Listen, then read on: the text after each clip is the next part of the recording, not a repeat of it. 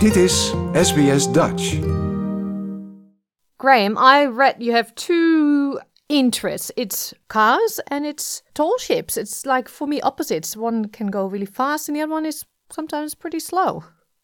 yes, that's right. I've always been interested in cars, but um, my passion for the Duyfken began back in 1994 when I was on the, the sailing ship Endeavour, the Endeavour replica. And a guy in Fremantle, Michael Young, who was a Dutch immigrant, wrote a letter to the local newspaper. That was in December 1993. And he said, Oh, Endeavour's leaving Fremantle as she was going to Sydney. He said, We should build another ship, and it should be the Duyfken.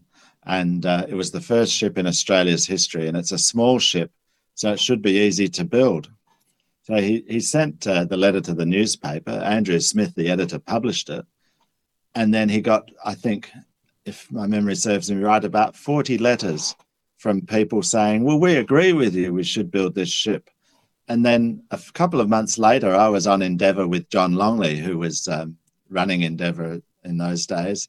And I said, What's the story with this fellow Michael Young? Because it was Michael de Jong as his, um, his Dutch name. And he said, Oh, yeah, he's really keen. He needs a bit of marketing help. You should give him a ring. So I turned up a few weeks later at uh, Michael and Janine Young's house in Fortescue Street in East Fremantle, had Dutch cinnamon biscuits and coffee, and there were a group of us, and we decided to build the ship. And uh, so, what's that, 30 years later, um, I've written a book about it. Yeah, about the whole process of building it and the big voyages it made? Yes, yeah, they're all in there. The whole fundraising process of the of getting enough money to build the ship because she cost four million dollars to build was just a mammoth job in itself, and it involved the the Dutch community in Western Australia. Um, it involved the state government and a lot of people from all over the world, really, to build the ship. And that's really it was that um, sort of momentum, I guess, that uh, we formed a group called the Friends of the Duyfken, and that was mostly people of um, of Dutch descent in in Western Australia, and it was the momentum that was gained from that group that led to the forming of a foundation or a stichting, as you know, say in Dutch, and that was formed in Fremantle. We had a guy who agreed to be the chairman of the foundation, uh, Michael Kailis, who was a Greek fisherman but uh, had a huge company and Michael agreed to chair the foundation and uh, went out and uh, fundraised as well and put in a lot of money himself. And in 1995, Prince Willem Alexander of the Netherlands came over and laid the keel. Yeah. To make it clear, you don't have any connections with the Netherlands, as in family. No, I could be a de Kock, couldn't I? But I'm a yes. Yeah. uh, maybe I do go back somewhere in the Netherlands. I don't know, but um, but what intrigued you about the uh? Well, there's a, a, a, book called, as you get in primary school in those days when I went to school, called Australia since 1606. It was the textbook for history, Australian history. And, and Duyfken was the first paragraph of the first chapter. So I've always sort of thought, what in the hell is Duyfken? What is this story? Um, but we were taught Hugh Edwards' book, Island of Angry Ghosts. We were taught all about the Dutch shipwrecks when I went to school in Perth. And uh, the maritime or marine archaeologists who discovered all the wrecks, they were like local heroes in Western Australia. So there was always a great awareness of this and the idea of, of building another ship like the Duyfken, which is a beautiful ship. You know, Endeavour is a bluff bow collier from Whitby in England, but Duyfken is a smart little pointy nosed scout ship. She's a, a great, interesting little ship. And so I always thought, oh, yeah, that I agreed with Michael Young. Yep, that's the ship to build. So I just fell in love with the whole idea, I think. Mm-hmm. And for people who don't have history in their minds like that, uh, the Duyfken, Willem Jans, the captain, yeah. thanks to the Duyfken, Australia was mapped for the first time.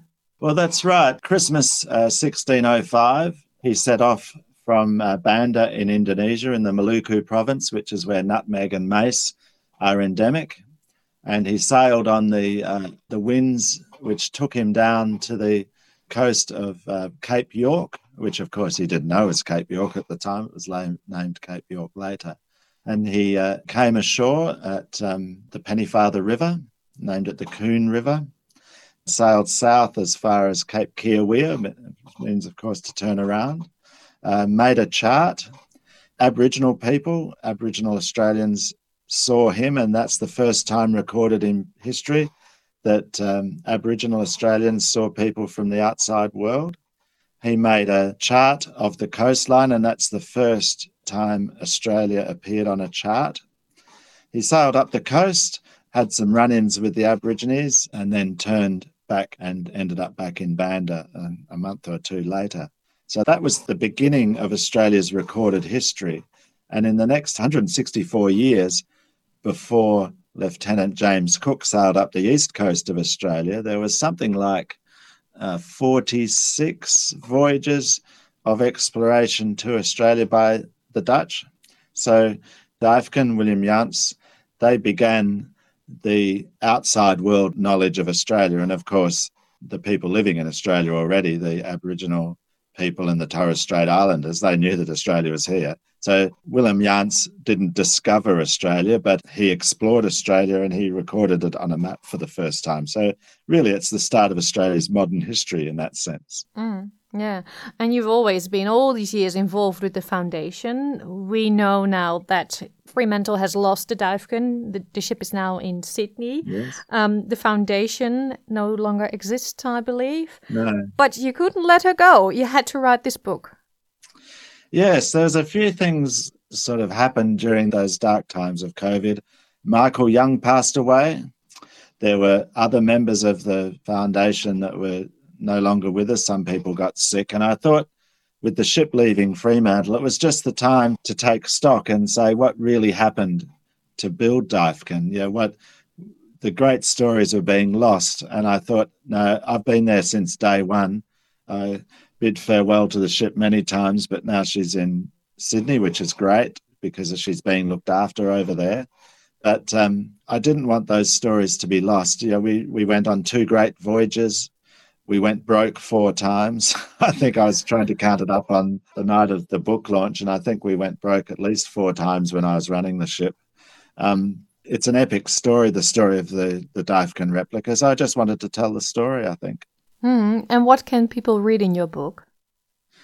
Well, they they read from that first meeting over coffee and cinnamon biscuits. They read about the bringing together the people, about getting the materials from Latvia. Um, Behind the scenes, actually. Yeah, the book is what really happened. There's whatever happens with ships. Ships are romantic objects, and people tell stories, and they they dream of ships. And uh, to be honest, people make things up.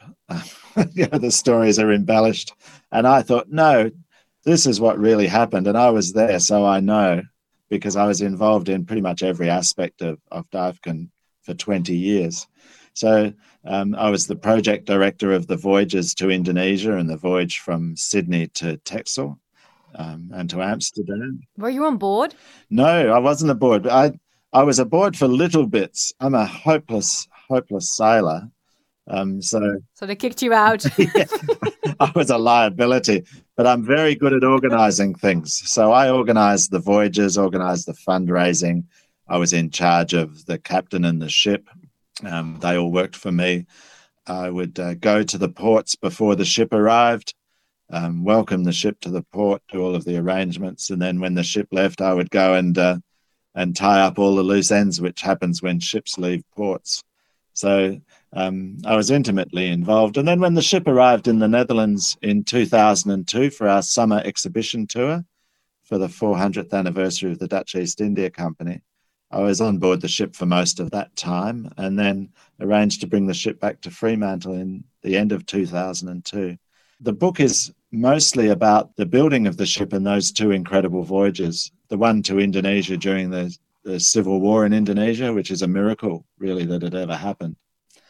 And then the voyage from Sydney, which took a year. So we sailed from Sydney through Torres Strait up to Jakarta, then uh, through Krakatoa, what's left of Krakatoa, out to Sri Lanka, to Galle in southern Sri Lanka, then down to Rodrigues Island and Mauritius, down to Cape Town. basically following the Brouwer route, which all of the ships followed back in uh, VOC times, and then up through the Atlantic to uh, the Azores, and then from the Azores for the short hop, which ended up not being a short hop, to the Netherlands. We found that the voyages of 400 years ago were tough, and it was pretty tough for our modern crew to survive on the ship for maybe 50 days at sea, with um, you know living 18 people living on a ship, you know the size of a two-car garage, and having technology, knowing about the weather, etc. Yes, well, we understood the way the the Dutch navigators would see seaweed, they'd see seabirds, they'd take soundings to to see the color of the ocean floor, all of those sort of things that they did to find their way across the oceans. Um, Way more connected to the nature. Eh? Yeah, they were. They were totally connected, and um, they would know if they if they got some mud on the on the sounding rock that they put overboard and pulled it up and it was muddy. They knew that well, that probably means that we're if we sail somewhere, there's a river nearby because the mud comes out of rivers. If there's um, you know seaweed floating, then that means maybe you're near reefs or something. You know, there was all sorts of things that they understood, and the and the direction of the winds and the change in in wind pressure, you know, or air pressure. They understood all of those things. They were totally in tune because it meant survival. And we came to understand those elements and the fact that the Duyfken only has a small freezer and that fresh food runs out after about four days. And from then on, you're surviving on tins and dried food. And so the voyages were tough on the crews. They, you know, it wasn't like a modern um, luxury liner where you could have lobster every night. no, not at all. you had your book launch uh, on Sunday. Yes. How did people respond to the book? The response was absolutely amazing. And um, we invited a lot of the people who've been with Duyfken back in the very early days. And and it was a fairly emotional night, I think, for me, because I saw a lot of the people that have come through the Duyfken story. And there were even people who, you know, three of us, one, two, three, no, four of us who were at the original meeting of eight people in, it would have been March or April 1994. Um, Nonna, unfortunately, as would have been five, but he passed away last week. So that there were people there who actually had the dream of the Duyfken way back in when we first started it, and we're still friends.